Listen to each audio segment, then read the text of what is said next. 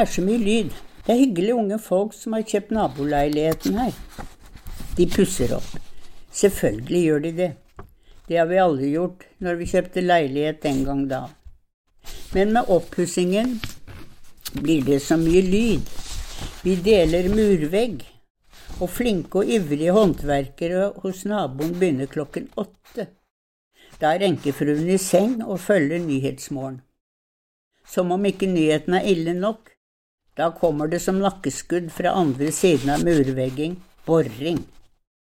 Egentlig uten varsel, fordi vi har ulik adresse og naboene i denne siden av muren har byggefolka glemt å varsle. Vel, det er som nevnt hyggelige folk som har huket entreprenøren. Vi har nå gitt hverandre det løftet at boring skal varsles, slik at vi vet når og hvor lenge det kan støyes. I gamle dager hørte man hammer og sag vennlig virksomhet. Nå skal enhver spiker ikke bankes, men bores, og håndsag erstattes med elektrisk støyende variant. Aller verst er selvsagt når badegulv skal åpnes og privat våtanlegg fundamenteres. Det er helvete. Da bør man flytte på Continental hotell til det går over. Så er det havarbeid.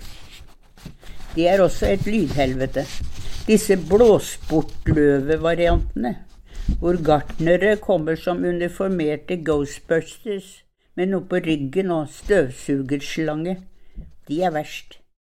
I nabolaget hvor ambassadører og velstelte leilighetsbygg har sine riktige forhager og grøntanlegg og heldigvis praktfulle trær, der klippes det med voldsom kraft gressplener og med lineær kanter rundt.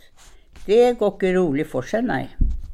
En liten hagesnudd rett her borte klippes med en elektrisk gressklipper som er større enn haveflekken. Gressklipper i gamle dager hadde håndkraft, nå er de å se på Folkemuseet. Jeg elsker å bo i by med humane lyder, kirkeklokker som kaller til gudstjeneste, Kiel-båten som hilser oss klokken to, og gjerne liv og røre fra levende naboer, ikke nattestid, da og folk som kommer fra Gardermoen og hjem med trillende kofferter langs fortauet tidlig og sent. Liker også å bli vekket av renholdsbilene, det er byliv. Og barn i barnehave er menneskelig lyd, det hører med. Siden man bor i fornemt ministerstrøk og med ambassadeboliger rundt hjørnet, så kommer de stadighet trygge politibiler for å passe på oss. Og den vakreste bylyd jeg vet, er når ridende politi patruljerer forbi. Hestetramp på asfalt. Det pusses opp og pusses opp. Særlig må man jo skifte ut et kjøkken som er mer enn fem år gammelt, for ikke å snakke om bad og bidé. Håndverksbilene, stakkar, sliter med parkeringsplass.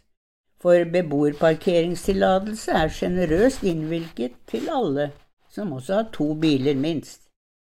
Men velsignet være, Bilene, store som små, lager jo ikke lyd. De er stillegående på elkraft. Noe er faktisk blitt bedre.